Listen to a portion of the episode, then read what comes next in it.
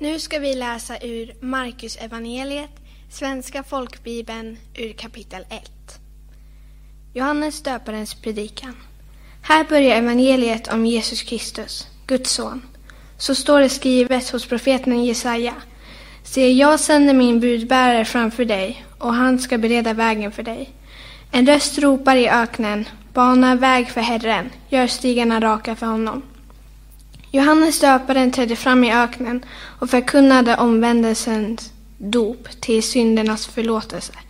Hela Judeens land och Jerusalems alla invånare kom ut till honom och de bekände sina synder och döptes av honom i floden Jordan. Johannes var klädd i kamelhår och hade ett läderbälte om livet och han levde av gräshoppor och vildhonung. Han förkunnade Efter mig kommer den som är starkare än jag och jag är inte ens vä värdig att böja mig och lossa remmen på hans sandaler. Jag har döpt er med vatten, men han ska döpa er i den heliga anden. Jesus blir döpt. Vid den tiden kom Jesus från Naset i Galileen och blev döpt av Johannes i Jordan. Genast när han steg upp i vattnet såg han himlen dela sig och anden komma ner över honom som en duva. Och en röst kom från himlen. Du är min älskade son, i dig har jag min glädje. Jesus frestas. Genast förde anden honom ut i öknen och han var i öknen under 40 dagar och frestades av Satan. Han levde bland de vilda djuren och änglarna betjänade honom. Jesu första lärjungar. Efter att Johannes hade blivit fängslad kom Jesus till Galileen och förkunnade Guds evangelium. Han sade, tiden är inne och Guds rike är nära. Omvänd er och tro på evangeliet. När han gick längs Galileiska sjön såg han Simon och hans bror Andreas. De stod och kastade ut nät i sjön, för det var fiskare. Jesus sade till dem, Kom och följ mig, så ska jag göra er till människofiskare. Genus lämnade de näten och följde honom. När han kom, när han kom lite längre fram såg han Jakob, Sebedeus son, och hans bror Johannes. De satt i båten och gjorde i ordning sina nät. Genast kallade han på dem och de lämnade sin far Sebedeus i båten med arbetarna och följde Jesus. Jesus i Kapernaums synagoga. De kom till Kapernaum och på sabbaten gick han genast till synagogan och undervisade. Folk blev överväldiga av hans lära, för han undervisade dem med auktoritet och inte som de skriftlärda. Nu fanns i deras synagoga en man med en oren ande och han skrek vad har vi med dig att göra, Jesus från Nasaret? Har du kommit för att fördärva oss? Jag vet vem du är, Guds helige. Men Jesus talade strängt till anden. Tig och far ut ur honom. Den orena anden ryckte i mannen och skrek högt och for ut ur honom. Alla blev förskräckta och frågade varandra, vad är detta? En ny lära, med sådan makt. Till och med de orena andarna befaller han och de lyder honom och ryktet om honom spred sig genast överallt i hela Galileen. Jesus botar Petrus svärmor. Så snart de kom ut ur synagogan gick de till Simons och Andreas hus tillsammans med Jakob och Johannes. Simons svärmor låg sjuk i feber och de talade genast med Jesus om henne. Då gick han fram, tog hennes hand och reste henne upp. Febern släppte och hon betjänade dem. På kvällen när solen hade gått ner kom han till honom med alla som var sjuka och besatta. Hela staden var samlad utanför dörren. Han botade många som led av olika sjukdomar och drev ut många onda andar. Men han tillät dem inte att tala eftersom de visste vem han var. Tidigt på morgonen, medan det ännu var mörkt, steg Jesus upp och gick ut till en enslig plats och bad där. Simon och de som var med honom skyndade efter. Och när de fann Jesus sade de till honom, alla söker efter dig. Han sade, vi går någon annanstans, till byarna häromkring, så att jag kan predika där också. Det är därför jag har kommit. Och han gick och predikade i deras synagogor i hela Galileen och drev ut de onda andarna. Jesus botade en spetälsk. En spetälsk kom fram till honom och föll på knä och bad. Om du vill så kan du göra mig ren. Jesus förbarmade sig, räckte ut handen och rörde vid honom och sade Jag vill, bli ren. Genast försvann spetälskan från honom och han blev ren. Sedan skickade Jesus iväg honom och sade strängt, se till att du inte berättar det för någon. Gå istället och visa dig för prästen och bär fram det offer, det offer för din rening som Mose har föreskrivit. Det blir ett vittnesbörd för dem. Men mannen gick ut och började ivrigt berätta och spred ryktet vid omkring. Därför kunde Jesus inte längre gå in i städerna öppet, utan han stannade ute i ödemarken. Och folk kom till honom från alla håll. Jesus förlåter synder. Några dagar senare kom Jesus tillbaka till Kapernaum. När man fick höra att han var hemma samlades så många att de inte längre fick plats ens utanför dörren. Och han förkunnade ordet för dem. Då kom han till honom med en förlamad som bars av fyra män. När de för folkmassan skull inte kunde komma fram med honom till Jesus tog han bort taket över platsen där han var. De gjorde öppning och sänkte ner bädden som den lame låg på. Jesus såg deras tro och sa till den lame Mitt barn, dina synder är förlåtna. Nu satt där några skriftlärda och de tänkte i sina hjärtan Varför talar han så? Han hädar. Vem kan förlåta synder utom Gud? Jesus förstod genast i sin ande att de tänkte så inom sig och han sade Varför tänker ni så i era hjärtan? Vad är lättast att, se, att säga till den lame Dina synder är förlåtna eller att säga Res dig, ta din bädd och gå. Men för att ni ska veta att Människosonen har makt på jorden att förlåta synder säger jag dig. Och nu talade han till den lame. Res dig, ta din bädd och gå hem. Då reste mannen sig upp och genast tog han sin bädd och gick ut inför ögonen på dem alla. Och alla blev utom sig av häpnad och prisade Gud och sade Vi har aldrig sett något liknande. Jesus hos tullindrivare och syndare. Än en gång gick Jesus längs sjön. Allt folket kom till honom och han undervisade dem. När han gick vidare såg han Levi, Alfeus son, sitta vid tullhuset. Han sade till honom, följ mig. Då reste sig Levi och följde honom. När Jesus sedan låg till bords i hans hus var det många tullindrivare och syndare som låg till bords tillsammans med honom och hans lärjungar. Det var många som följde honom. De skriftlärda bland fariseerna fick se att, att han åt med syndare, tullindrivare och frågade hans lärjungar varför äter han med tullindrivare och syndare? Jesus hörde det och sade till dem det är inte friska som behöver läkare utan de sjuka. Jag har inte kommit för att kalla rättfärdiga utan syndare. Jesus och fastan. Johannes lärjungar och fariseerna fastade. Då kom några och frågade Jesus varför fastar Johannes lärjungar och fariseernas lärjungar men inte dina lärjungar? Jesus svarade bröllopsgästerna kan väl inte fasta medan brudgummen är hos dem. Så länge de har brudgummen hos sig så kan de inte fasta. Men det ska komma dagar där, när brudgummen tas ifrån dem och då, på den dagen kommer de att fasta. Ingen syr fast en lapp av okrympt tyg på en gammal mantel. I så fall river de nya tyget bort ännu mer från den gamla manteln och revan blir värre. Och ingen häller nytt vin i gamla säckar. I så fall spränger vinet säckarna och både vinet och säckarna förstörs. Nej, nytt vin häller man i nya säckar. Jesus är sabbatens herre. En sabbat gick Jesus genom några sädesfält och hans lärjungar började rycka av axeln där de gick. Då sade fariseerna till honom, se, varför gör de sådant som inte är tillåtet på sabbaten? Han svarade, har ni aldrig läst vad David gjorde när, när han och hans män var i nöd och blev hungriga? Han gick in i Guds hus på översteprästen Ebiatas tid och åt skådebröden som bara prästerna får äta och gav dessutom till dem som var med honom.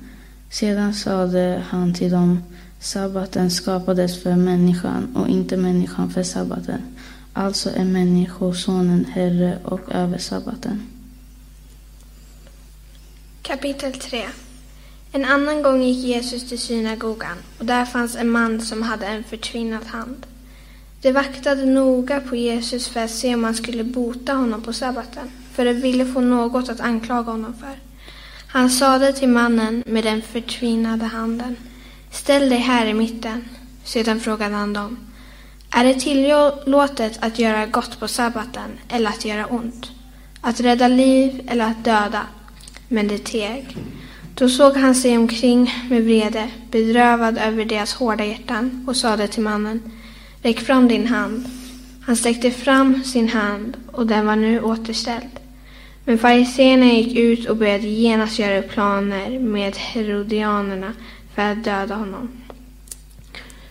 Jesus och hans lärjungar drog sig undan ner mot sjön och en stor skara från Galileen följde efter.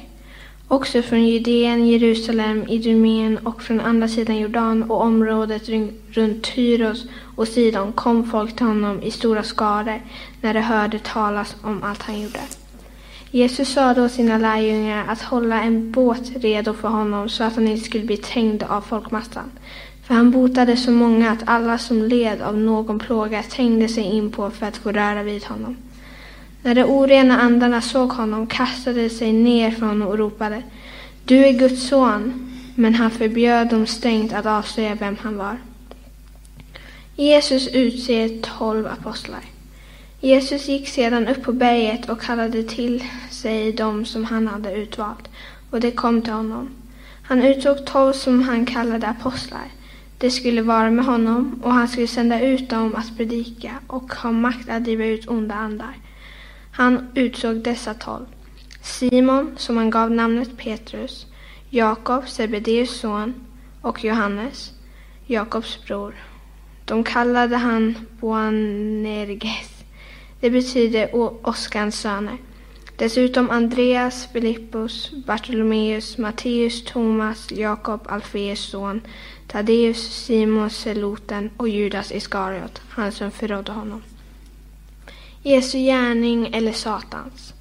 Sedan kom Jesus hem. På nytt samlades så mycket folk att det inte ens fick tid att äta. När hans anhöriga fick höra om det gick de ut för att ta hand om honom eftersom man sade att han var från sina sinnen. De skriftlärda som hade kommit ner från Jerusalem sade han är besatt av Belsebul. Det är med de onda andarnas första som han driver ut andarna. Då kallade han dem till sig och talade till dem i liknelser. Hur skulle Satan kunna driva ut Satan? Om ett rike är splittrat kan det riket inte bestå. Och om en familj är splittrad kan den familjen inte bestå. Om nu Satan skulle gå i strid med sig själv och bli splittrad kan han inte bestå. Det är slut med honom. Ingen kan gå in i den starkes hus och plundra honom på det som är hans utan att först binda den starke. Sedan kan han plundra hans hus. Jag säger er sanningen. Alla synder och händelser ska människorna få förlåtelse för, hur de än hädar. Men den som hädar den helige Ande får aldrig någonsin förlåtelse utan är skyldig till evig synd. Det hade ju sagt att han hade en oren ande. Jesu familj. Nu kom hans mor och hans bröder. De stannade utanför och sände bud till honom och kallade på honom.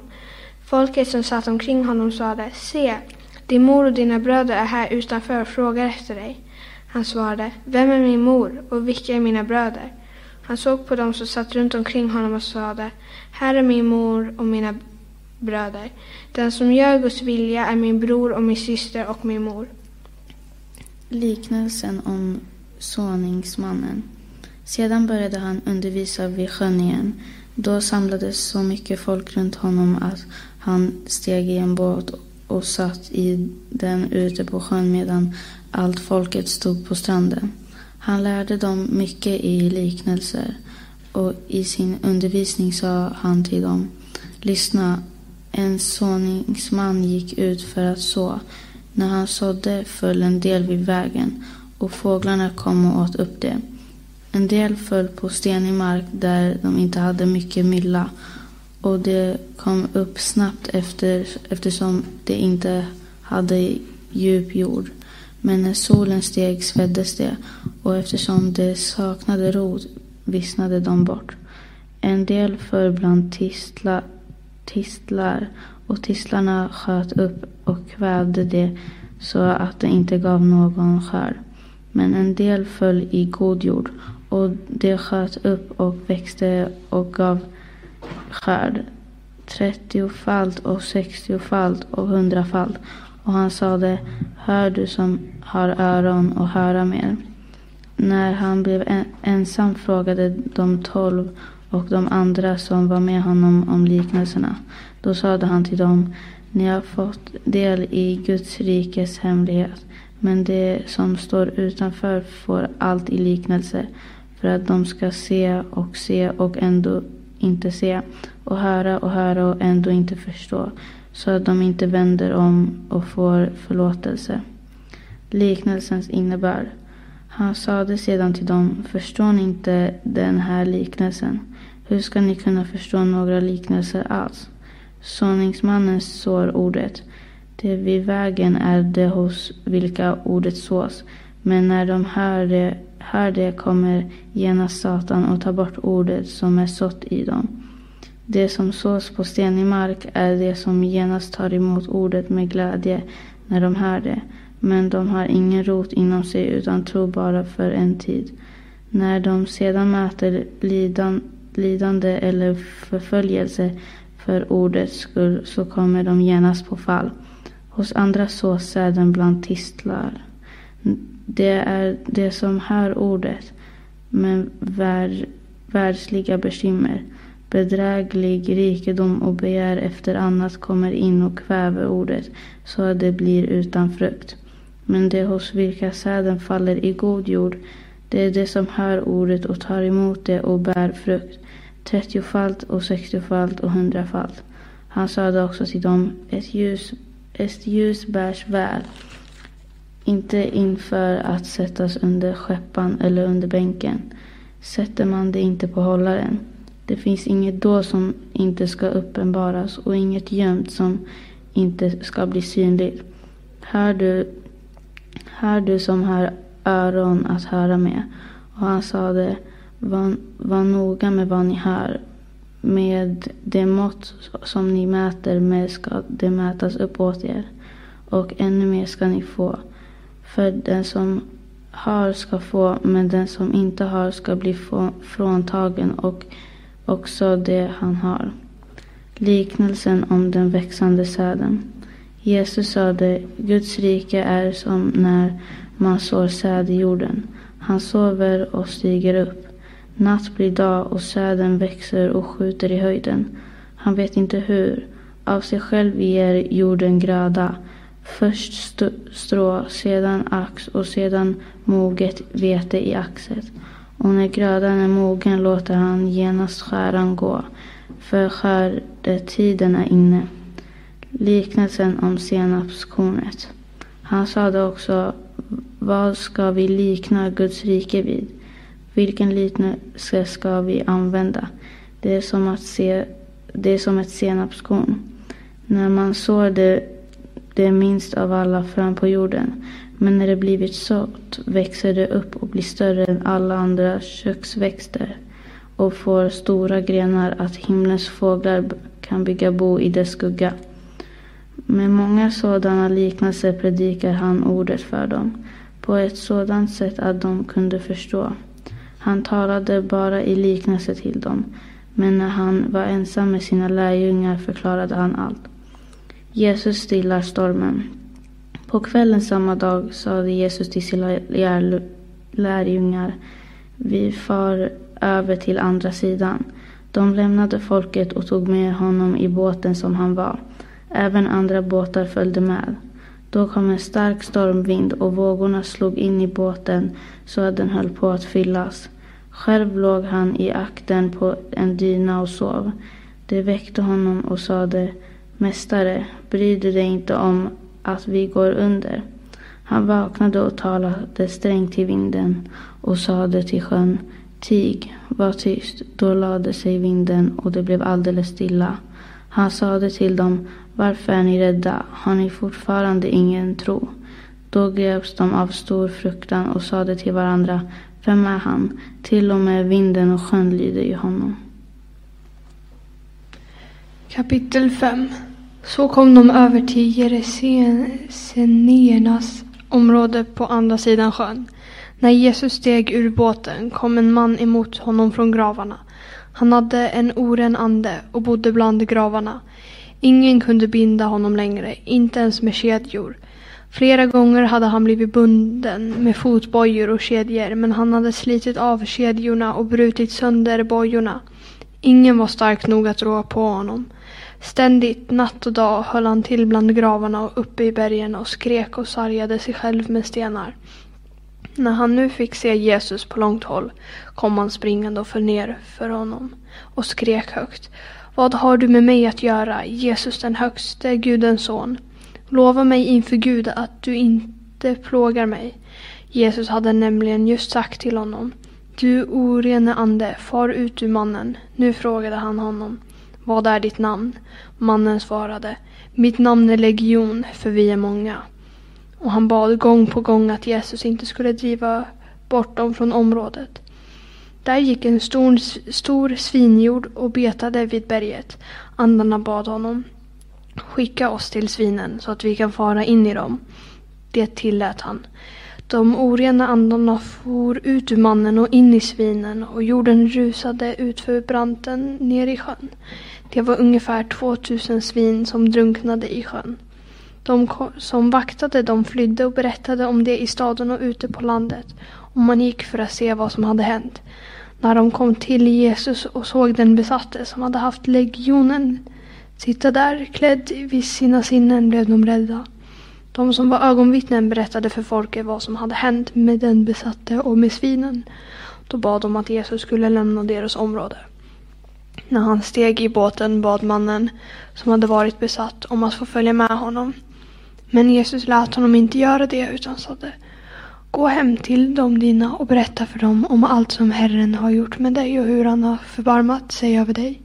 Då gick mannen och började ropa ut över hela Dekapolis som om över hela Dekapolis allt som Jesus hade gjort med honom och alla var förundrade.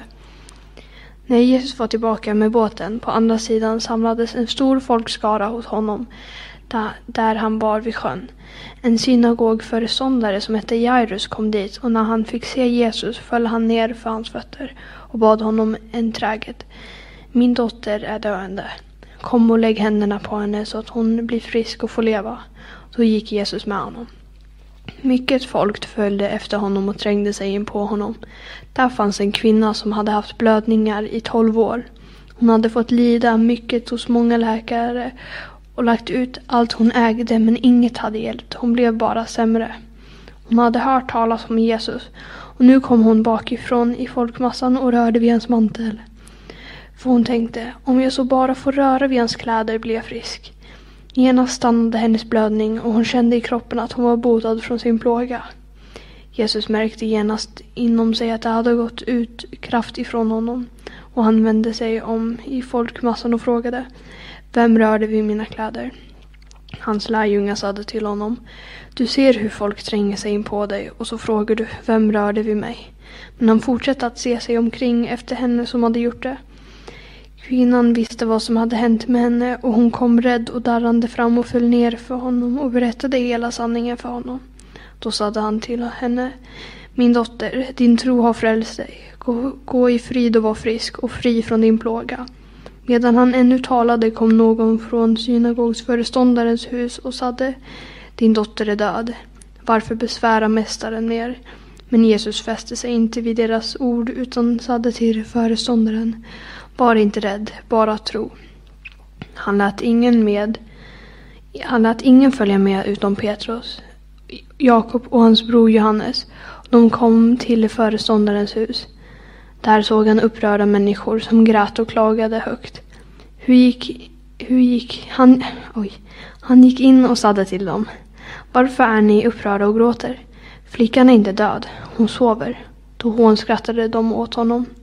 Medan han skickade ut allesammans tog med sig barnets far och mor och sina lärjungar och gick in dit där barnet låg.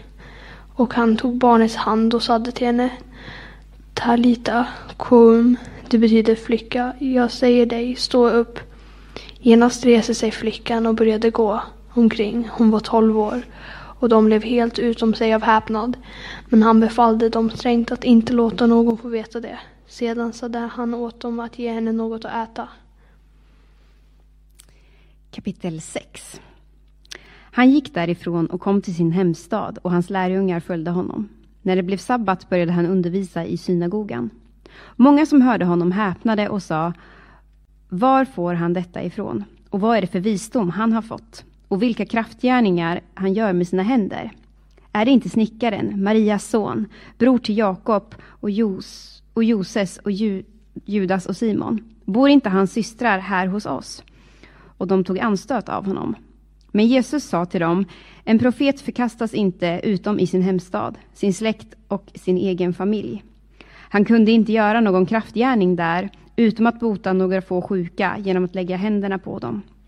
Och han var förundrad över deras otro.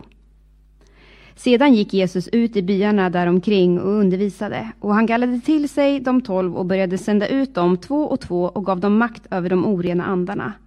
Han befallde dem att inte ta med sig något annat på vägen än en stav, varken bröd eller väska eller pengar i bältet. Sandaler fick de ha, men inte två tunikor. Han sade också till dem, när ni kommer in i ett hus, så stanna där tills ni går vidare.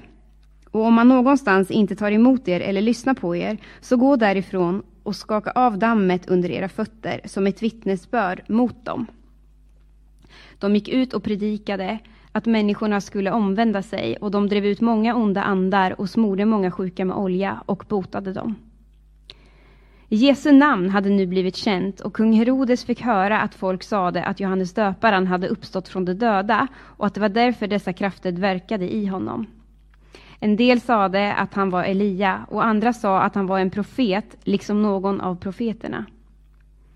När Herodes hörde detta sade han, det är Johannes, han som jag halshögg, han har uppstått.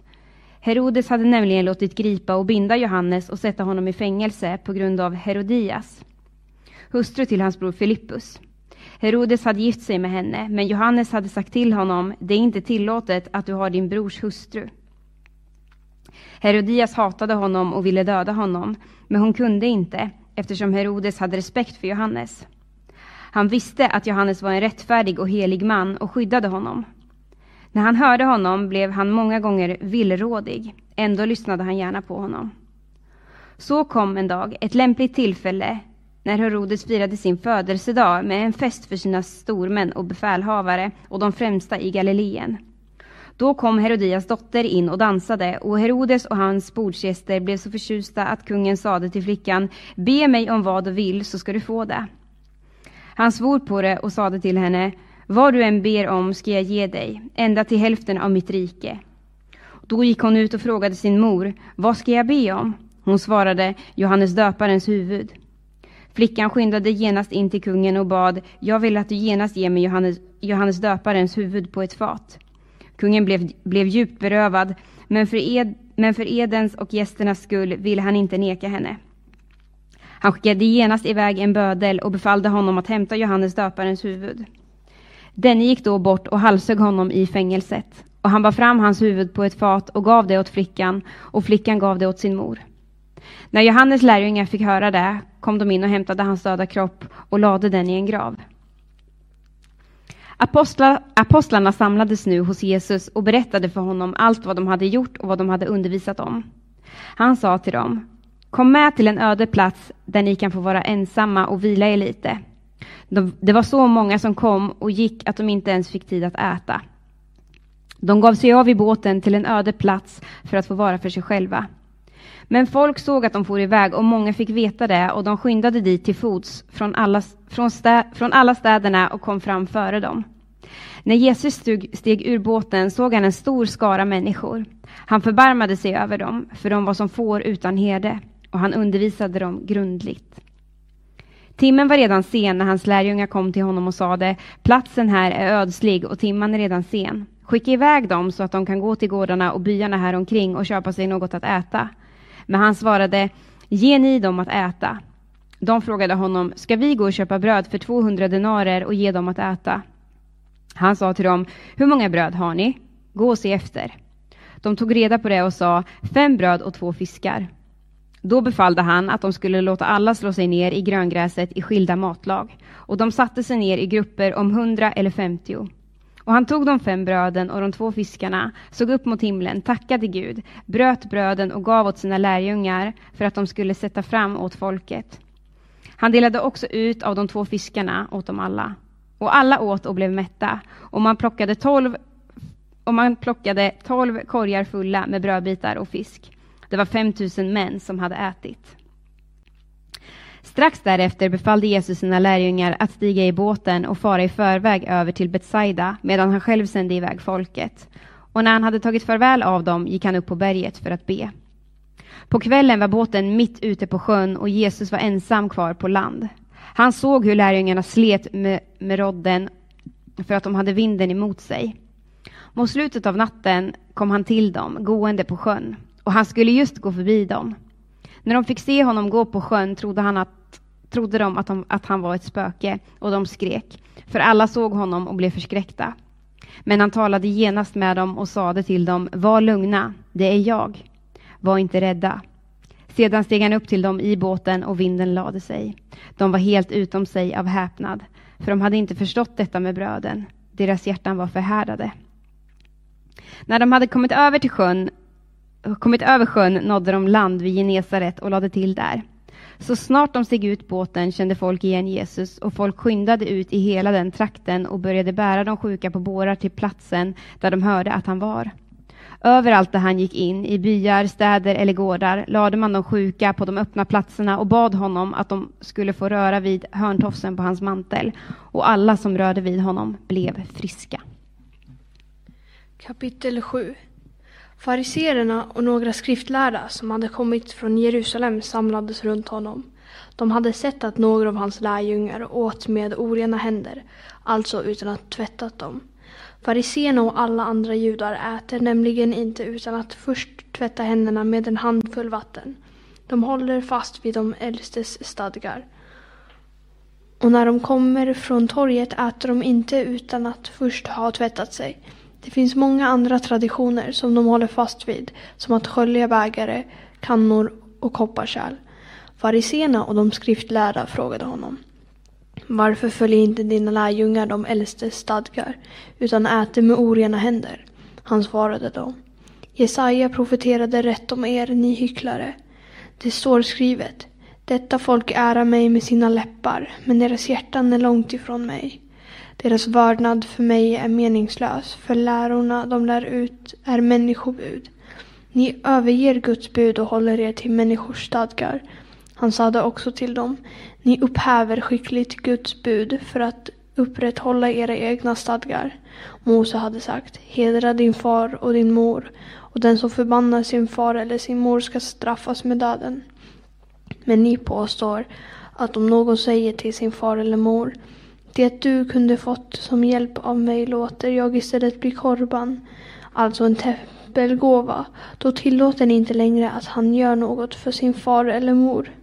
Ni upphäver Guds ord genom, att, genom era stadgar som ni för vidare och ni gör många andra liknande saker. Jesus kallade till sig folket igen och sade Lyssna på mig allihop och förstå. Inget som går in i människan utifrån kan göra henne oren. Det är det som kommer ut ur människan som gör henne oren.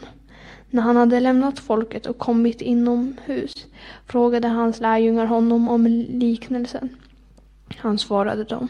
Så ni förstår inte heller. Inser ni inte att inget som går in i människan utifrån kan göra henne oren eftersom det inte går in i hennes hjärta utan ner i magen och ut på avträdet. Därmed förklarade han all mat ren. Då han fortsatte. Och han fortsatte. Det är det som kommer ut ur människan som gör henne oren. Inifrån. Från eh, människors hjärtan kommer... Oj. kommer de onda tankarna.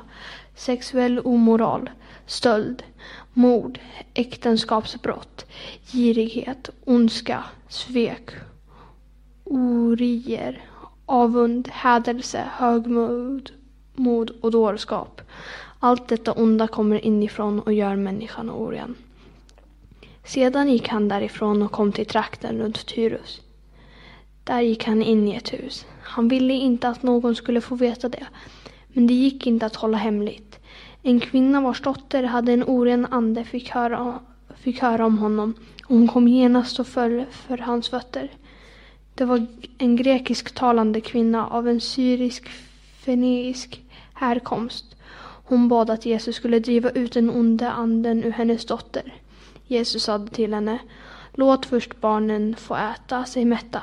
Det är inte rätt att ta brödet från barnen och kasta det åt hundarna. Hon svarade, Herre, även hundarna under bordet äter av barnens mulor. Då sade han till henne, för det svaret skulle ska jag säga dig, säger jag dig, gå hem, den onda anden har lämnat din dotter. Och hon gick hem och fann barnet liggande vid sängen. Den onde anden var borta. Därefter lämnade han trakten runt Tyrus och gick över Sidon och sedan genom Dekapolis, Dekapolisområdet till Galileiska sjön. Man kom till honom med en som var död och knappt kunde tala och bad att han skulle lägga handen på honom. Då tog han honom åt sidan, bort från folket. Han stoppade fingrarna i hans öron, spottade och rörde vid hans tunga. Sedan såg han upp mot himlen och suckade och sade Efata, och det betyder öppna dig. Genast öppnades hans öron och hans tunga löstes och han talade tydligt och klart. Jesus förbjöd dem att tala om det för någon, men ju mer han förbjöd dem, desto ivrigare berättade de. Och folk blev helt utom sig av häpnad och sade allt han har gjort är gott. Han får till och med de döva att höra och de stumma att tala. Markus evangeliet kapitel 8. Vid den här tiden hände återigen att mycket folk hade samlats och de hade inget att äta. Då kallade Jesus till sig sina lärjungar och sa till dem Jag lider med folket. Nu har de varit hos mig i tre dagar och de har inget att äta. Skickar jag hem dem hungriga blir de utmattade på vägen. Några av dem kommer långväga ifrån. Hans lärjungar svarade honom Varifrån ska man få mat att mätta dem med i ödemarken? Han frågade dem Hur många bröd har ni? Sju, svarade de. Då befallde han folket att slå sig ner på marken. Han tog de sju bröden, tackade Gud, bröt dem och gav åt sina lärjungar för att de skulle dela ut det och det delade ut till folket. De hade också några små fiskar och han tackade Gud för dem och sa att också det skulle delas ut. Och alla åt och blev mätta och de plockade upp bitarna som blivit över, sju korgar. Det var omkring fyra tusen där. Sedan sände han iväg dem.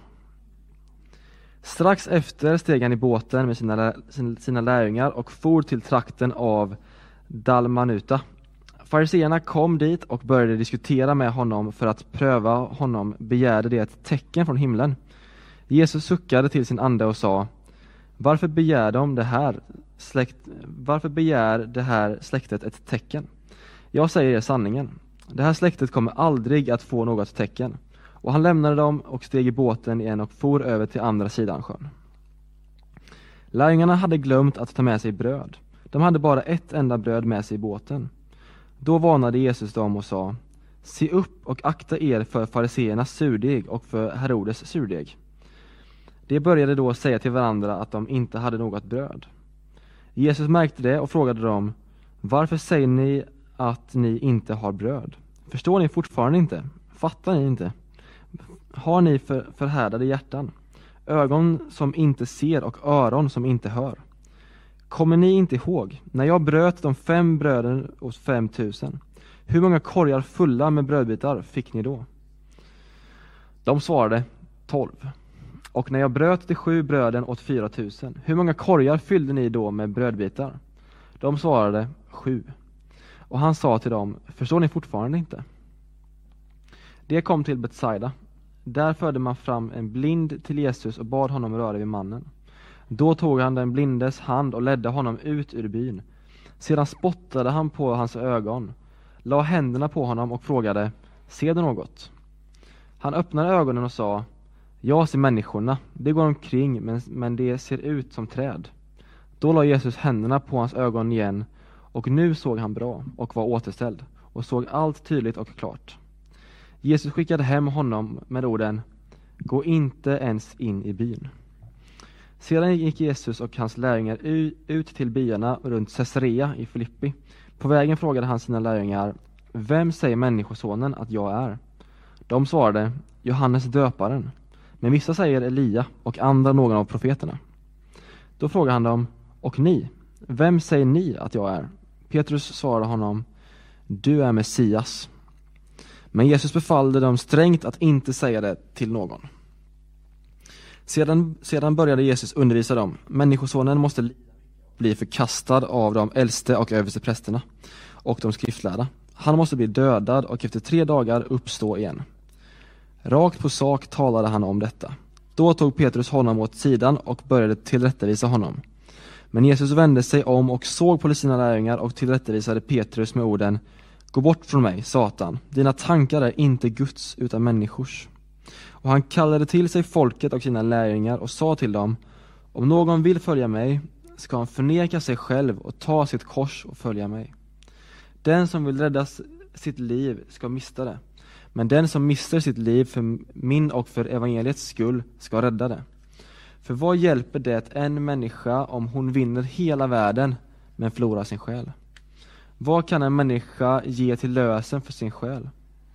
Den som skäms för mig och mina ord i det här trolösa och syndiga släktet, honom ska också Människosonen skämmas för när han kommer i sin fars härlighet, men de, de heliga änglarna.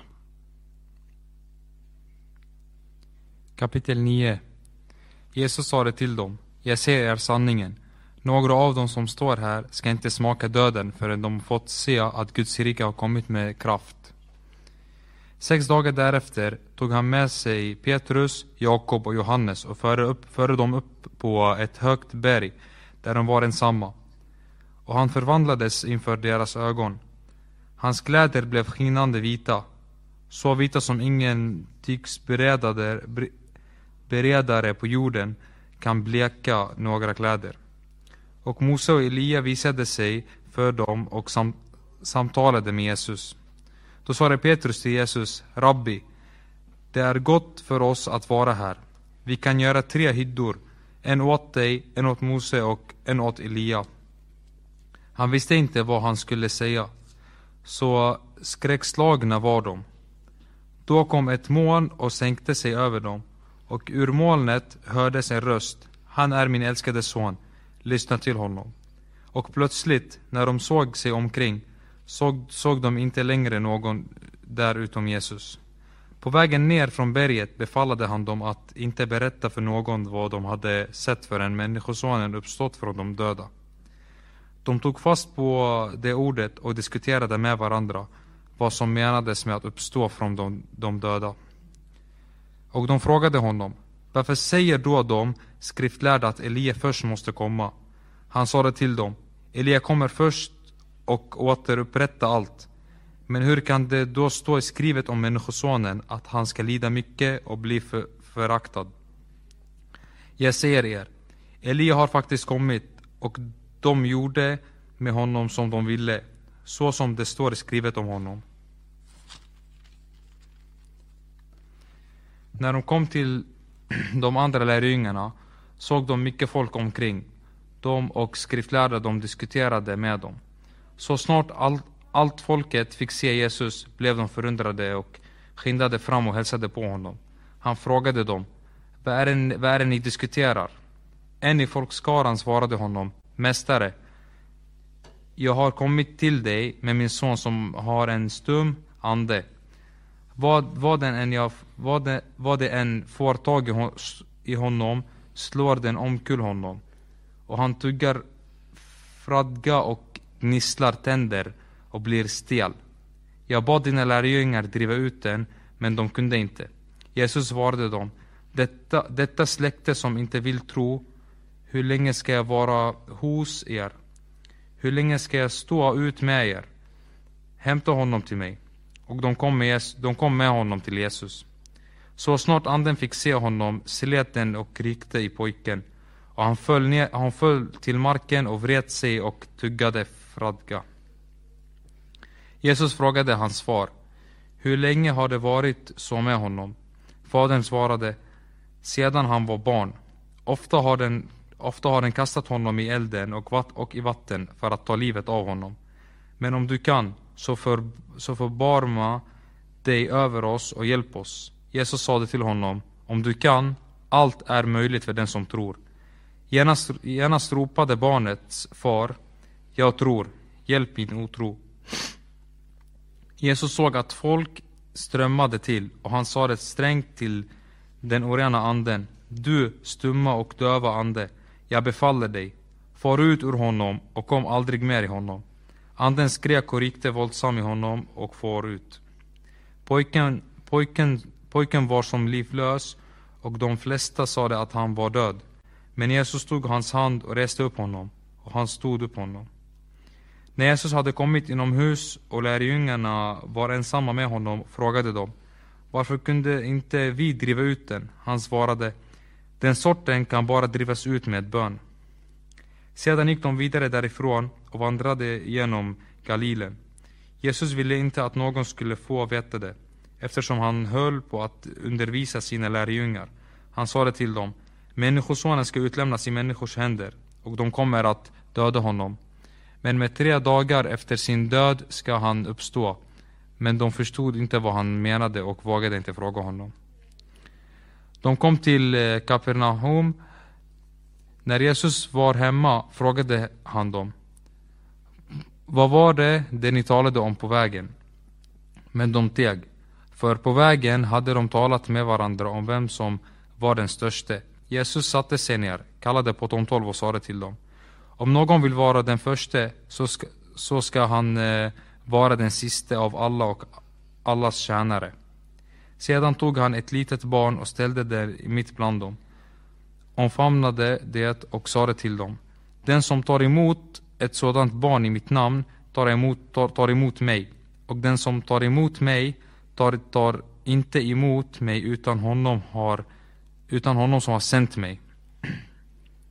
Johannes sade till Jesus, Mästare, vi såg en man som drev ut onda andar i ditt namn och vi försökte hindra honom eftersom han inte följde oss.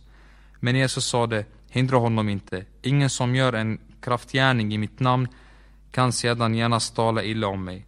Den som inte är mot oss är för oss. Den som ger en bägare vatten att dricka därför att ni tillhör Kristus. Jag säger er sanning. Han ska inte gå miste om, sitt lön, om sin lön. Den som förleder en av dessa små som tror på mig, får honom vore det bättre att få en kvarnsten hängd om halsen och bli kastad i havet. Om din hand förleder dig till synd, så hugg av den. Det är bättre att du går in i, i livet stympad än att du har båda händerna kvar och hamnar i Gehenna, i elden som aldrig slocknar. Och om din fot förleder dig till synd, så hugg av den. Det är bättre att du går in i livet halt än att du har båda fötterna kvar och, och eh, kastas i Gehenna. Och om ditt öga förleder dig till synd, så riv ut den. Det är bättre att du går in i Guds rike i en ögd än att du har båda ögonen kvar och, och kastas i Gehenna, där deras mask inte dör och elden inte släcks. Var och en ska, ska saltas med eld. Salt är bra, men om saltet förlorar sin sälta hur ska ni, hur ska ni då få det, få det salt igen? Ha salt i er och håll fred med varandra. Ehm, kapitel 10 sedan gav han sig av därifrån och gick på andra sidan eh, jorden till Judeens område. Folk samlades återigen i skaror omkring honom och undervisade dem som han brukade. Några fariser eh, kom fram eh, för att pröva honom och frågade honom Får en man skilja sig från sin hustru? Han svarade dem Vad har Mose befallt? Eh, er. Eh, det sade Mose har tillåtit att mannen skriver ett skilsmässobrev och skiljer sig. Då sade Jesus till dem. Det var för att era hjärtan är så hårda eh, som han, ska, han gav er den förskriften. Men från skapelsens början gjorde Gud dem till man och kvinna. Därför ska en man lämna sin far och mor och hålla sig till sin hustru. Och de två ska bli ett kött. Så är det inte längre två utan ett kött. Vad ska Gud ha fogat samman eh, ska människan alltså inte skilja åt. När de var hemma igen frågade lärjungarna honom om detta. Han svarade dem, den som skiljer sig från sin hustru och gifter sig med en annan begär äktenskapsbrott mot henne. Och om hon skiljer sig från sin man och gifter sig med en annan begår hon äktenskapsbrott. Man bar fram små barn till Jesus för att han skulle röra vid dem, men lärjungarna visade bort dem. När Jesus såg det blev han upprörd och sade till dem, låt barnen komma till mig och hindra dem inte, för Guds rike tillhör sådana som dem. Eh, jag säger er sanningen, den som inte tar emot Guds rike som ett barn kommer aldrig dit in. Och han tog upp dem i sin famn och klarade händerna på dem och välsignade dem. När Jesus skulle vandra vidare sprang det fram en man som, som föll på knä för honom och frågade Gode mästare, vad ska jag göra för att få evigt liv? Jesus sa till honom Varför kallar du mig god? Ingen är god utom Gud. Buden kan du. Du ska inte mörda, du ska inte begå äktenskapsbrott, du ska inte stjäla, du ska inte vittna falskt, du ska inte ta från någon det som är hans. Hedra din far och din mor. Mannen sa, Mästare, allt det jag har hållit sedan jag var ung. Eh, Jesus såg på honom med kärlek och sade, ett saknar du. Gå och sälj allt du äger och ge till de fattiga, så kommer du att ha en skatt i himlen. Kom sedan och följ mig. Vid de orden mörknade mannen och gick berövad bort, för han ägde mycket. Jesus såg sig omkring och sade till sina lärjungar, hur svårt är det inte för dem som har pengar att komma in i Guds rike? Lärjungarna blev förskräckta över hans ord, men Jesus sade en gång till dem, mina barn, hur svårt är det inte att komma in i Guds, rike, i Guds rike? Det är lättare för en kamel att komma igenom ett nålsöga än för en rik att komma in i Guds rike. Då blev de ännu mer förskräckta och sa till varandra, vem kan då bli frälst? Jesus såg på dem och sade, för människor är det omöjligt, men inte för Gud. För Gud är allting möjligt. Petrus sade till honom, vi har lämnat allt och följt dig. Jesus sade, jag säger er sanningen. Eh, lämnar hus och bröder eller systrar eller mor eller far eller barn eller åkrar för min och evangeliets skull utan att få hundrafalt igen. Här i världen får de hus, bröder, systrar, mödrar, barn och åkrar mitt under föröjelser och sedan i den kommande världen evigt liv. Men många som är först ska bli sist och det som är sist ska bli först. De var nu på väg upp till Jerusalem och Jesus gick före dem. De var fyllda av bävan. Och de som följde med var rädda. Då tog Jesus än en gång med sig de tolv och började berätta för dem vad som skulle hända dem. Se, vi går upp till Jerusalem och Människosonen kommer att överlämnas till översteprästerna och skriftlärda. De ska döma honom till döden och utlämna honom åt herdingarna som ska håna honom och spotta på honom, gissla och döda honom. Men efter tre dagar kom han, äh, kommer han att uppstå. Då kom Jakob och Johannes, Sebedus eh, söner från Jesus och sade Mästare, vi vill att du ger oss vad vi ber dig om. Han sade till dem, vad vill ni att jag ska göra för er? De svarade, låt oss sitta bredvid dig i din härlighet, den ene på din högra sida och den andra på din vänstra. Jesus sa till dem, ni vet inte vad ni ber om. Kan ni dricka den bägare som jag dricker? Eller döpas med det dop som jag döps med? De svarade, det kan vi. Jesus sa till dem, ni ska få dricka den bägare jag dricker och döpas med det dop som jag döps med. Men platserna på min högra och vänstra sida är inte min sak att ge bort. Det ska ges åt dem som de är beredda för. När de tio när tio andra fick höra det blev de upprörda över Jakobs och Johannes.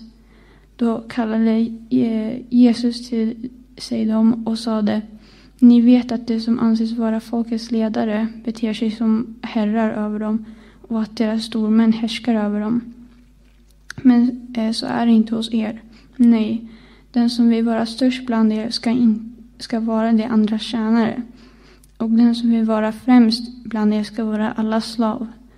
Människosonen har inte kommit för att bli betjänad utan för att tjäna och ge sitt liv till lösen för många. De kom fram till Jeriko och när Jesus lämnade Jeriko med sina lärjungar och en stor folkskara satt en blind tiggare vid vägen, Bartimeus, son till Timeus. När han fick höra att det var Jesus från Nasaret som kom började han ropa Jesus, Davids son, förbarma dig över mig. Många sade åt honom strängt att vara tyst, men han ropade bara ännu högre. Davids son, förbarma dig över mig. Jesus stannade och sade, kalla hit honom. De gjorde det och sade till den blinde, lugn, res dig, han kallar på dig. Då kastade mannen av sig manteln, hoppade upp och kom fram till Jesus. Och Jesus frågade honom, vad vill du att jag ska göra för dig? Den blinde sade, Rabuni, eh, gör så att jag kan se igen. Jesus sade, gå din tro har frälst dig. Och genast fick han sin syn och följde Jesus på vägen. Kapitel 8 11 Kapitel 11 när de närmade sig Jerusalem och var nära Betfaga och Betania vid Olivberget sände han iväg två av sina lärjungar och sade till dem, gå in i byn där framför er. Så snart ni kommer in i den ska ni finna ett åsnefall som står bundet och som ännu ingen har suttit på. Ta loss det och led hit det. Om någon frågar er varför ni gör så ska ni svara, Herren behöver det. Och han skickar strax hit det igen. De gav sig iväg och fann ett åsnefall ute på gatan bundet vid en port och de lossade det. Några av dem som stod där sade till dem, vad gör ni? Tar ni loss fallet? Lärjungarna svarade som Jesus hade sagt och man lät dem gå. De ledde fölet till Jesus och lade sina mantlar på det och satt upp på. Många bredde ut sina mantlar på vägen och andra strödde kvistar som de skar ute på fälten. Och de som gick före och de som följde efter ropade Hosianna. Välsignad är han som kommer i Herrens namn. Välsignad, välsignat är vår fader Davids rike som kommer, Hosianna i höjden. Så kom han in i Jerusalem och in på tempelplatsen. Han såg sig omkring överallt och eftersom timmen redan var sen gick han ut till Betania med de tolv. När de dagen därpå gick från Betania blev han hungrig. På långt håll fick han se ett fikonträd som hade gröna blad och han gick dit för att se om det skulle finna något på det. När han kom fram till trädet fann han inget annat än blad, för fikonets tid var inte inne. Jesus sade till trädet, aldrig mer ska någon äta frukt från dig. Hans lärjungar hörde det. De kom fram till Jerusalem och Jesus gick in på tempelplatsen och började driva ut dem som sålde och köpte i templet. Han välte växlarnas bord och du försäljarnas stolar och han tillät inte att man bar något över tempelplatsen. Och han undervisade dem och sade Står det inte skrivet Mitt hus ska kallas ett bönens hus för alla folk men ni har gjort det till ett rövarnäste. Översteprästerna och de skriftlärde hörde det och de försökte finna ett sätt att röja honom ur vägen. De var rädda för honom eftersom alla människor var överväldigade av hans undervisning. När det sedan blev kväll lämnade han staden. När de tidigt nästa morgon gick förbi fikonträdet såg de att det hade vissnat ända från roten. Petrus kom ihåg vad som hade hänt och sade till Jesus Rabbi, se, fikonträdet som du förbannade har vissnat. Jesus svarade dem Ha tro på Gud, jag säger er sanningen. Om någon säger till det här berget Lyft dig och kasta dig i havet och inte tvivlar i sitt hjärta utan tror det han säger ska ske, då kommer det att ske för honom. Därför säger jag er, allt vad ni ber och begär, tro att ni ska få det, så ska det bli ert. Och här står ni och ber, så förlåt om ni har något emot någon. Då ska också er far i himlen förlåta er era överträdelser. De kom in i Jerusalem igen. Och när Jesus gick omkring på tempelplatsen kom översteprästerna och de skriftlärda och de äldste fram till honom och frågade Vad har du för fullmakt att göra detta? Och vem har gett dig den fullmakten att göra det? Jesus svarade dem Jag vill fråga er en sak. Svara mig, så ska jag säga er vad jag har för fullmakt att göra detta. Johannes dop, var det från himmelen eller från människor? Svara mig. De samrådde, de samrådde med varandra. Säger vi från himlen, så säger han, varför trodde ni då inte på honom? Men kan vi säga från människor? Det vågade de inte för folket eftersom alla ansåg Johannes verkligen vara en profet. Så de svarade Jesus, vi vet inte. Jesus sade till dem, då säger inte jag heller vad jag har för fullmakt att göra det här.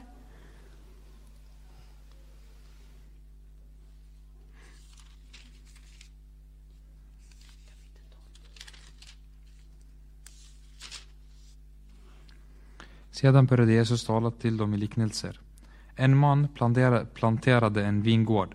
Han satte stäng, stängsel runt den, högg ut en vind, vindpress och byggde ett eh, vakttorn.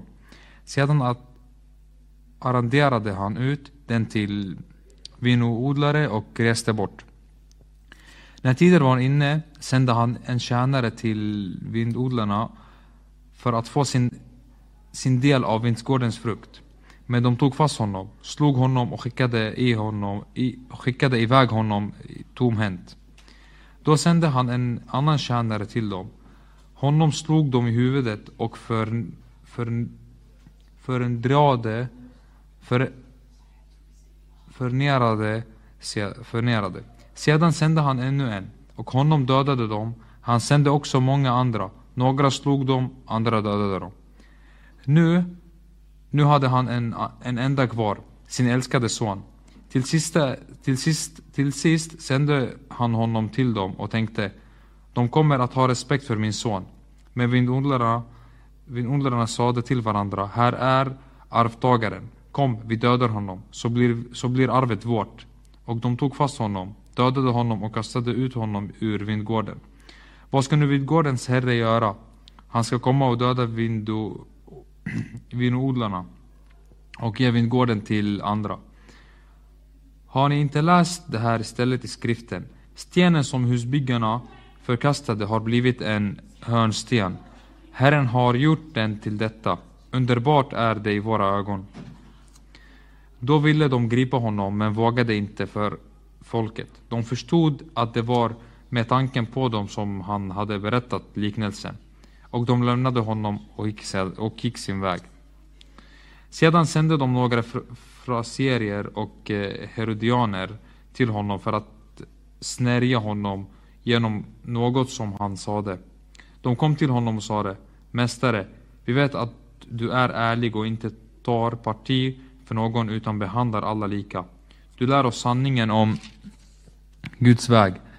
Är det tillåtet att betala skatt till kejsaren eller inte? Ska vi betala eller inte betala? Men Jesus förstod deras hyckleri och sade till dem Varför prövar ni mig? Ge mig en denar och låt mig se på den. De räckte fram en och frågade dem Vems bild och inskrift är detta?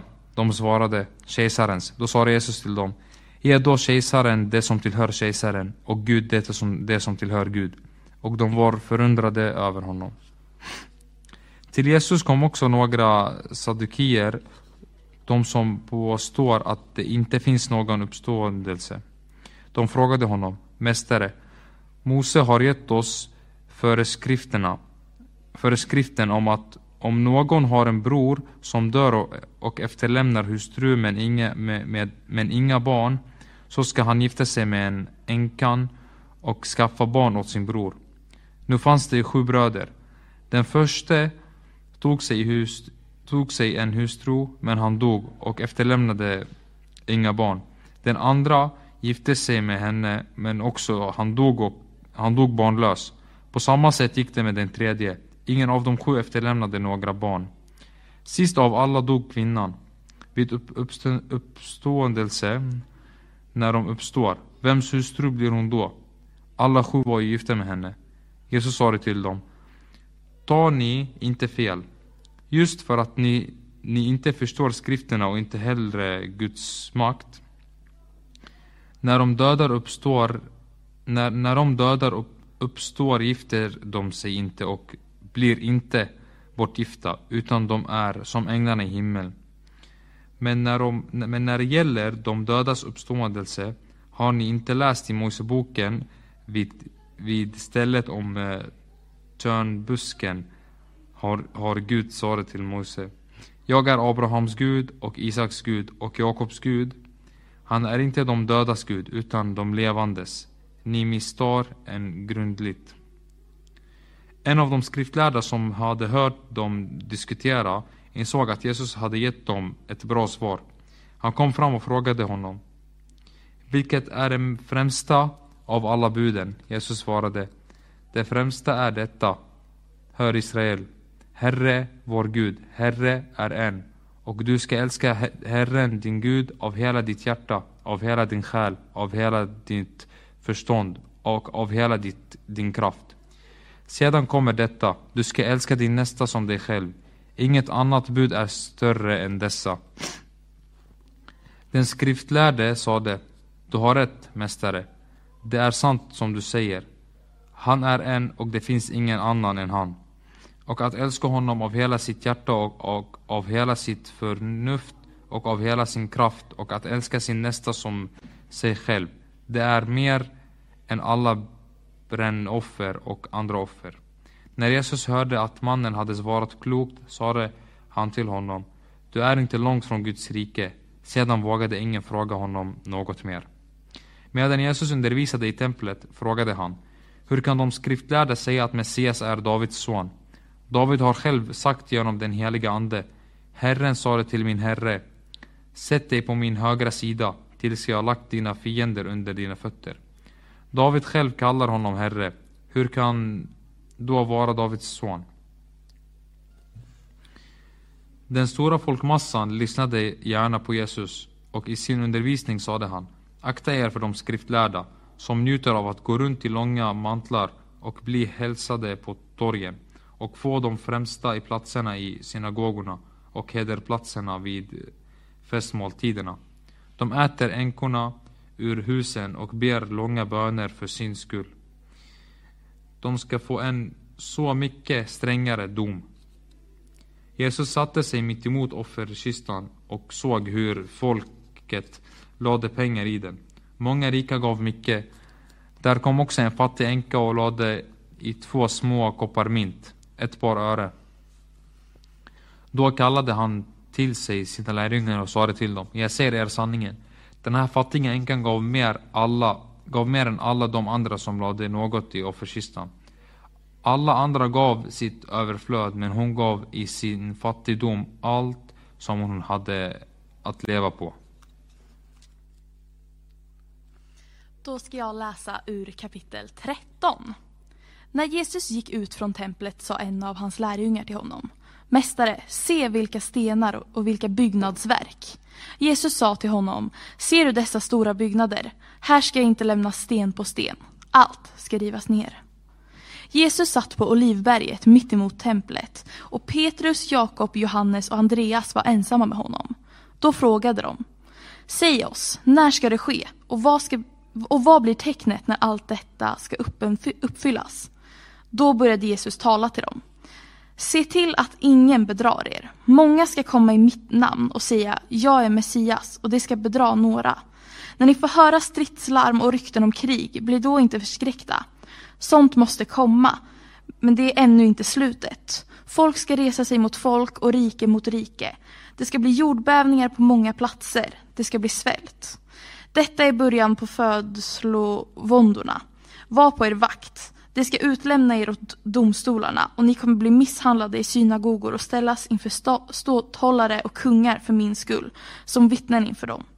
Men först måste evangeliet predikas för alla folk. När man för bort er och utlämnar er ska ni inte bekymra er i förväg för vad ni ska säga, utan tala vad som ges er i den stunden. Det är inte ni som talar, utan den helige Ande. En bror ska utlämna sin bror till att dödas och en far sitt barn och barn ska göra uppror mot sina föräldrar och döda dem. Ni kommer att bli hatade av alla för mitt namns skull. Men den som håller ut till slutet ska bli frälst. När ni ser förödelsens styggelse, stå inte, så, så är det inte den, så, så, är, så, så stå där, i, där den inte får stå. Läsaren bör förstå det rätt. Då måste de som är i Judeen fly upp i bergen. Den som är på taket ska inte komma ner och gå in för att hämta något från sitt hus. Och den som är ute på åkern ska inte vända tillbaka för att hämta sin mantel. Ve de som väntar barn eller ammar i de dagarna. Be att det inte händer på vintern, för i de dagarna ska det bli en sån nöd att något liknande aldrig före, förekommit från det att Gud i begynnelsen skapade världen och ända fram till nu, och inte heller ska komma. Om Herren inte hade förkortat den tiden skulle ingen människa bli frälst, men för de utvalda skull har han förkortat den tiden. Om någon då säger till er, här är Messias, eller där är han, så tror det inte. Falska messiasgestalter och falska profeter ska träda fram och göra tecken och under för allt för att om möjligt bedra de utvalda. Men var på er vakt. Jag har sagt er allt i förväg. Men i de dagarna efter den nöden ska solen förmörkas och månen inte längre ge sitt sken. Stjärnorna ska falla från himlen och himlens makter ska skakas. Då ska man se Människosonen komma bland molnen med stor makt och härlighet. Och då ska han sända ut änglar och samla sina utvalda från de fyra väderstrecken, från jordens yttersta gräns till himlens ände. Lär av en jämförelse med fikonträdet. Redan när kvisten blir mjuk och bladen spricker ut vet ni att sommaren är nära. På samma sätt vet ni, när ni ser allt detta hända, att han är nära och står för dörren. Jag säger er sanningen, det här släktet ska inte förgå förrän allt detta sker.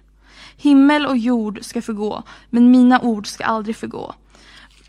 Men den dagen eller stunden känner ingen, inte änglarna i himlen, inte ens sonen, ingen utom fadern. Var på er vakt och håll er vakna, för ni vet inte när tiden är inne. Det är som när en man reste bort och lämnade sitt hus och gav sina tjänare ansvar. Var och en för sin uppgift. Portvakten befallde han att vara vaken. Var därför vakna. Ni vet inte när husets herre kommer, om det blir på kvällen eller vid midnatt eller när tuppen gal eller på morgonen. Se upp så att han inte plötsligt kommer och finner att ni sover. Och vad jag säger till er, det säger jag till alla. Håll er vakna.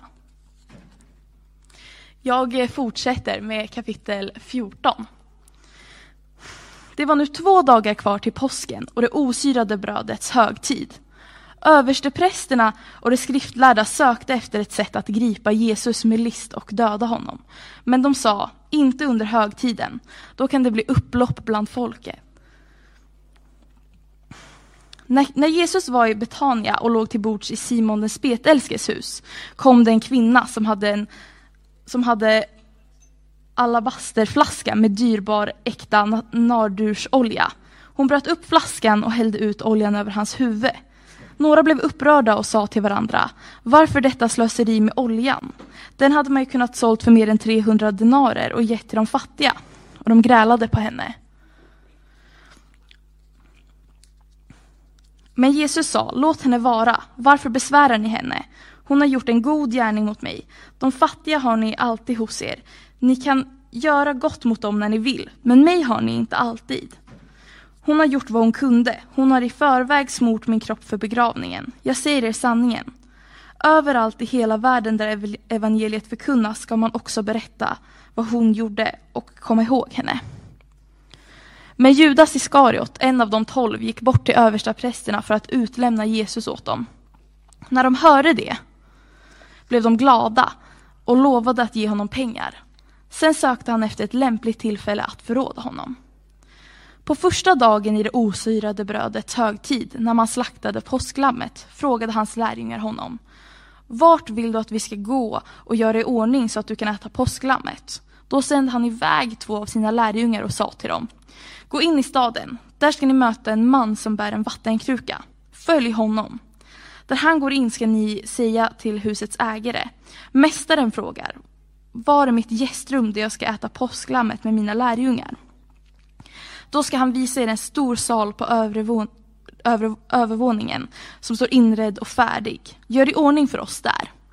Lärjungarna gick och kom in i staden och när de fann att det var som Jesus hade sagt och de gjorde i ordning påsklammet. När det blev kväll kom Jesus dit med de tolv. Medan de låg till bords och åt sa Jesus, jag säger er sanningen. En av er kommer att förråda mig, en som äter med mig. Då blev de bedrövade och frågade honom en efter en, det är väl inte jag?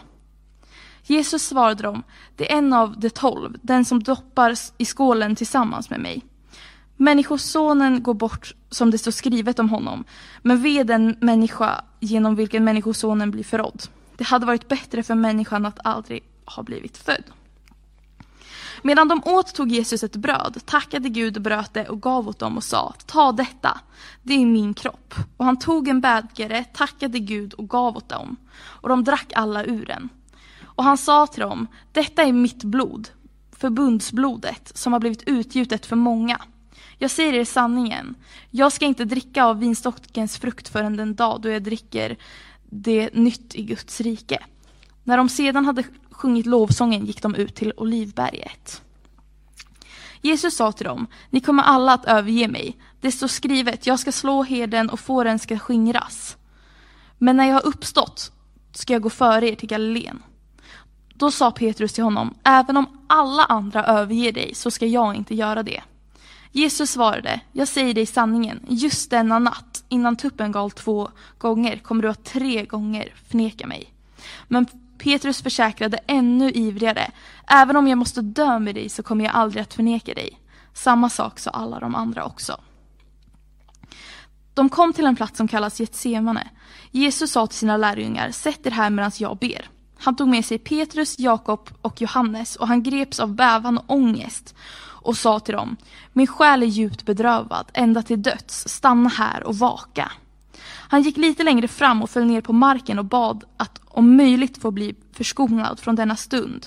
Han sa, Abba far, allt är möjligt för dig, ta den här bägaren ifrån mig, men inte som jag vill, utan som du vill.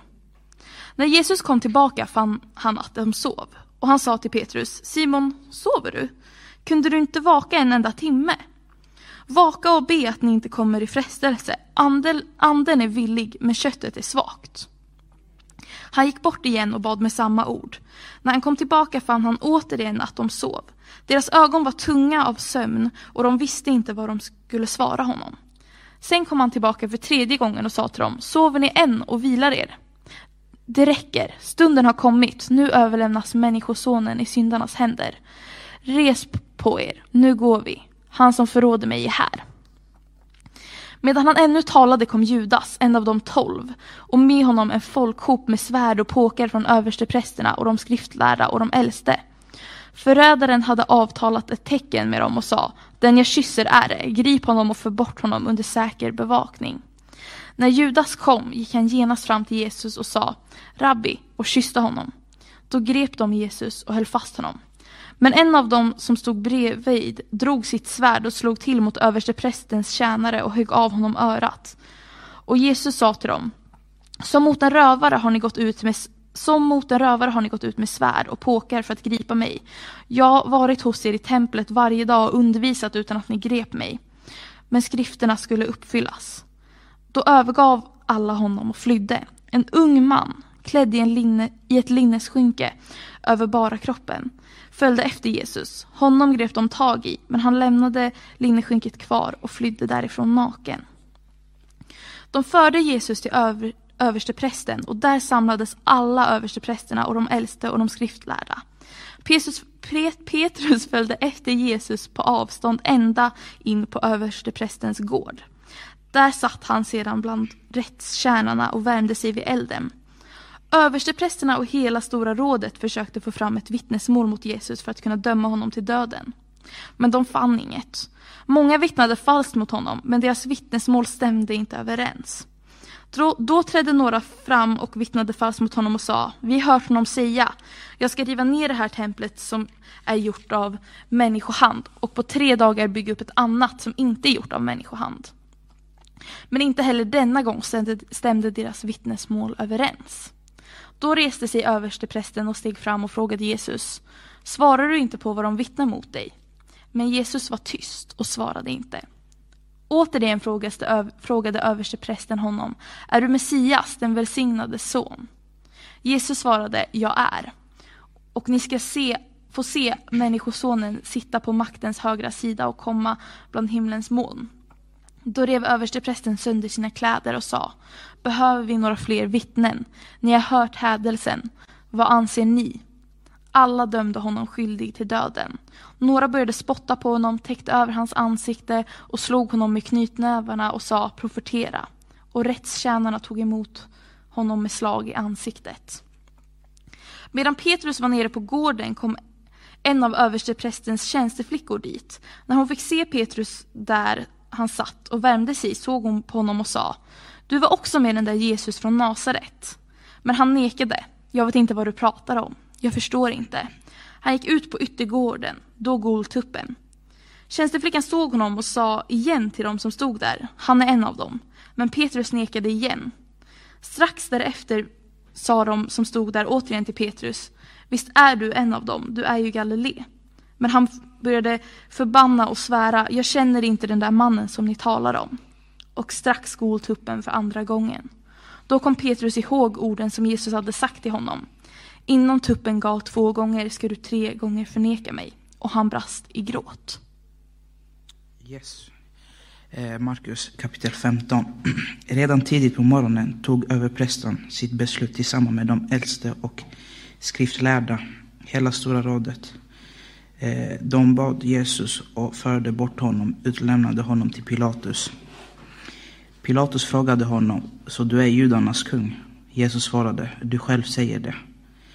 Överprästerna anklagade honom häftigt och Pilatus frågade honom på nytt. Svarar du inte? Eh, har du mycket och anklagelser för dig? Men Jesus svarade, ingen mer, och Pilatus var förundrad.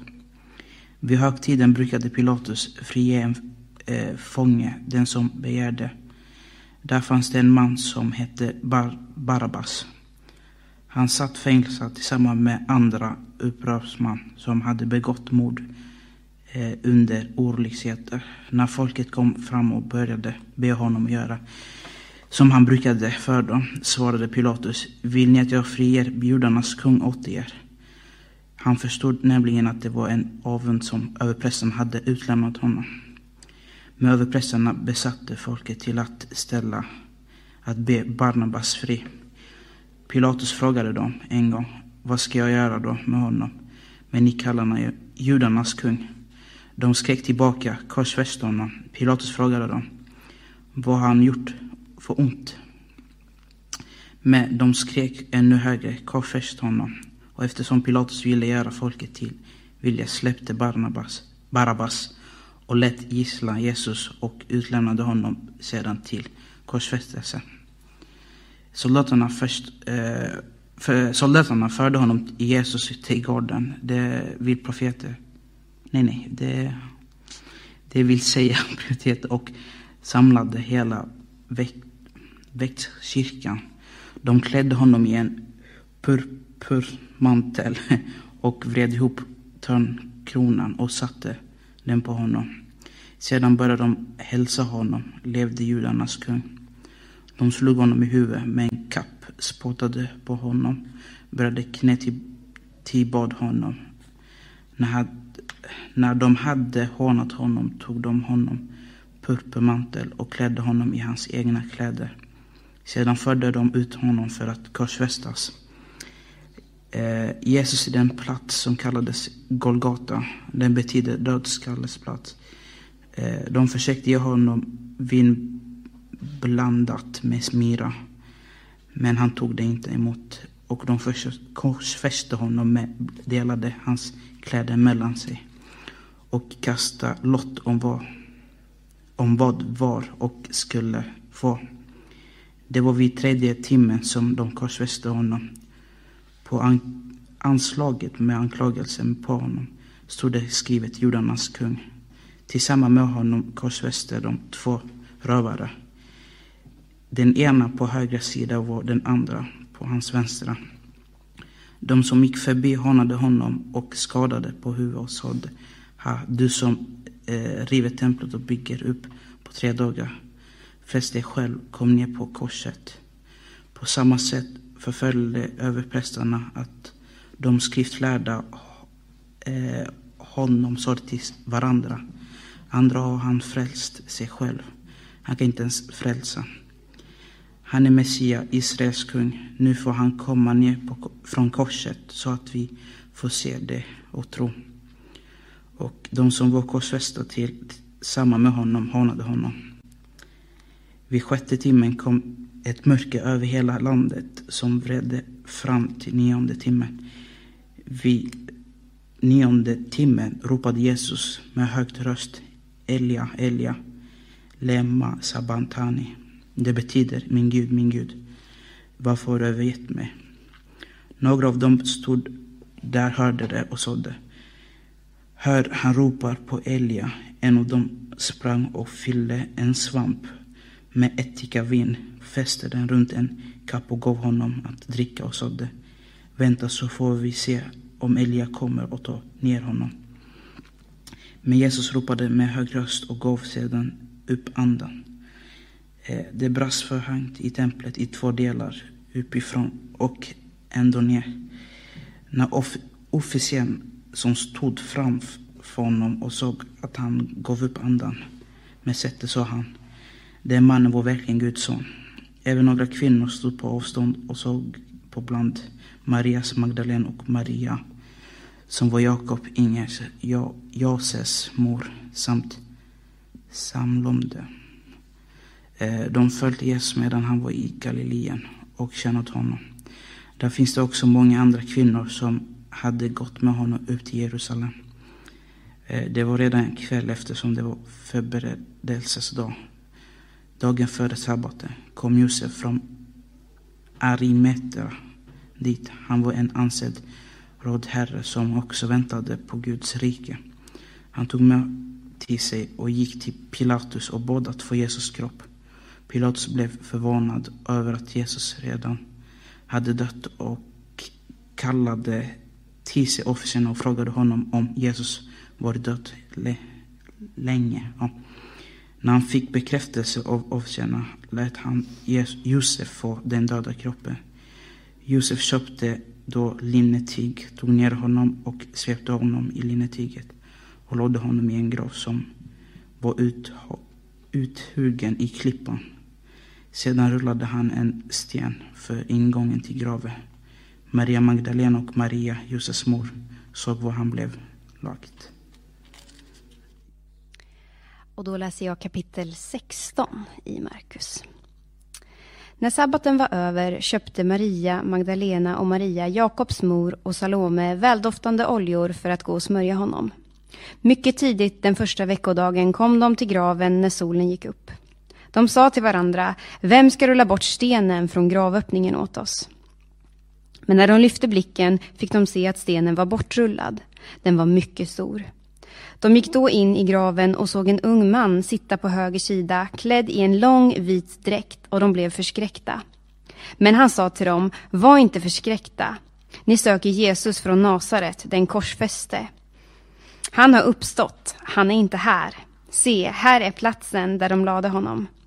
Men gå och säg till hans lärjungar och särskilt till Petrus. Han går före er till Galileen. Där ska ni få se honom, så som han har sagt er.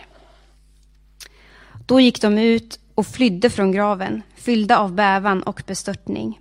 Och de sade ingenting till någon eftersom de var rädda. När Jesus hade uppstått på första veckodagens morgon visade sig han först för Maria Magdalena, som han hade befriat från sju onda andar.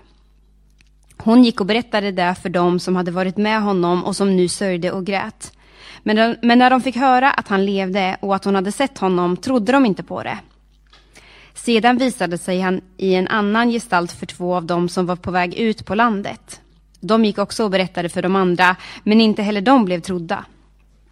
Till slut gick han och visade sig för de elva när de låg till bords, till bords och han klandrade dem för deras otro och deras hårda hjärtan eftersom de inte hade trott på dem som hade sett honom uppstånden. Han sade till dem, gå ut i hela världen och förkunna evangeliet för hela skapelsen. Den som tror och blir döpt ska bli frälst, men den som inte tror ska bli fördömd. Dessa tecken ska följa de som tror. I mitt namn ska de driva ut onda andar. De ska tala nya tungomål. De ska ta ormar med händerna och dricker de något dödligt, dödligt gift ska det inte skada dem. De ska lägga händerna på sjuka och de ska bli friska. När Herren Jesus hade talat till dem togs han upp till himlen och satte sig på Guds högra sida. Och de gick ut och predikade överallt och Herren verkade tillsammans med dem och bekräftade ordet genom de tecken som åtföljde det.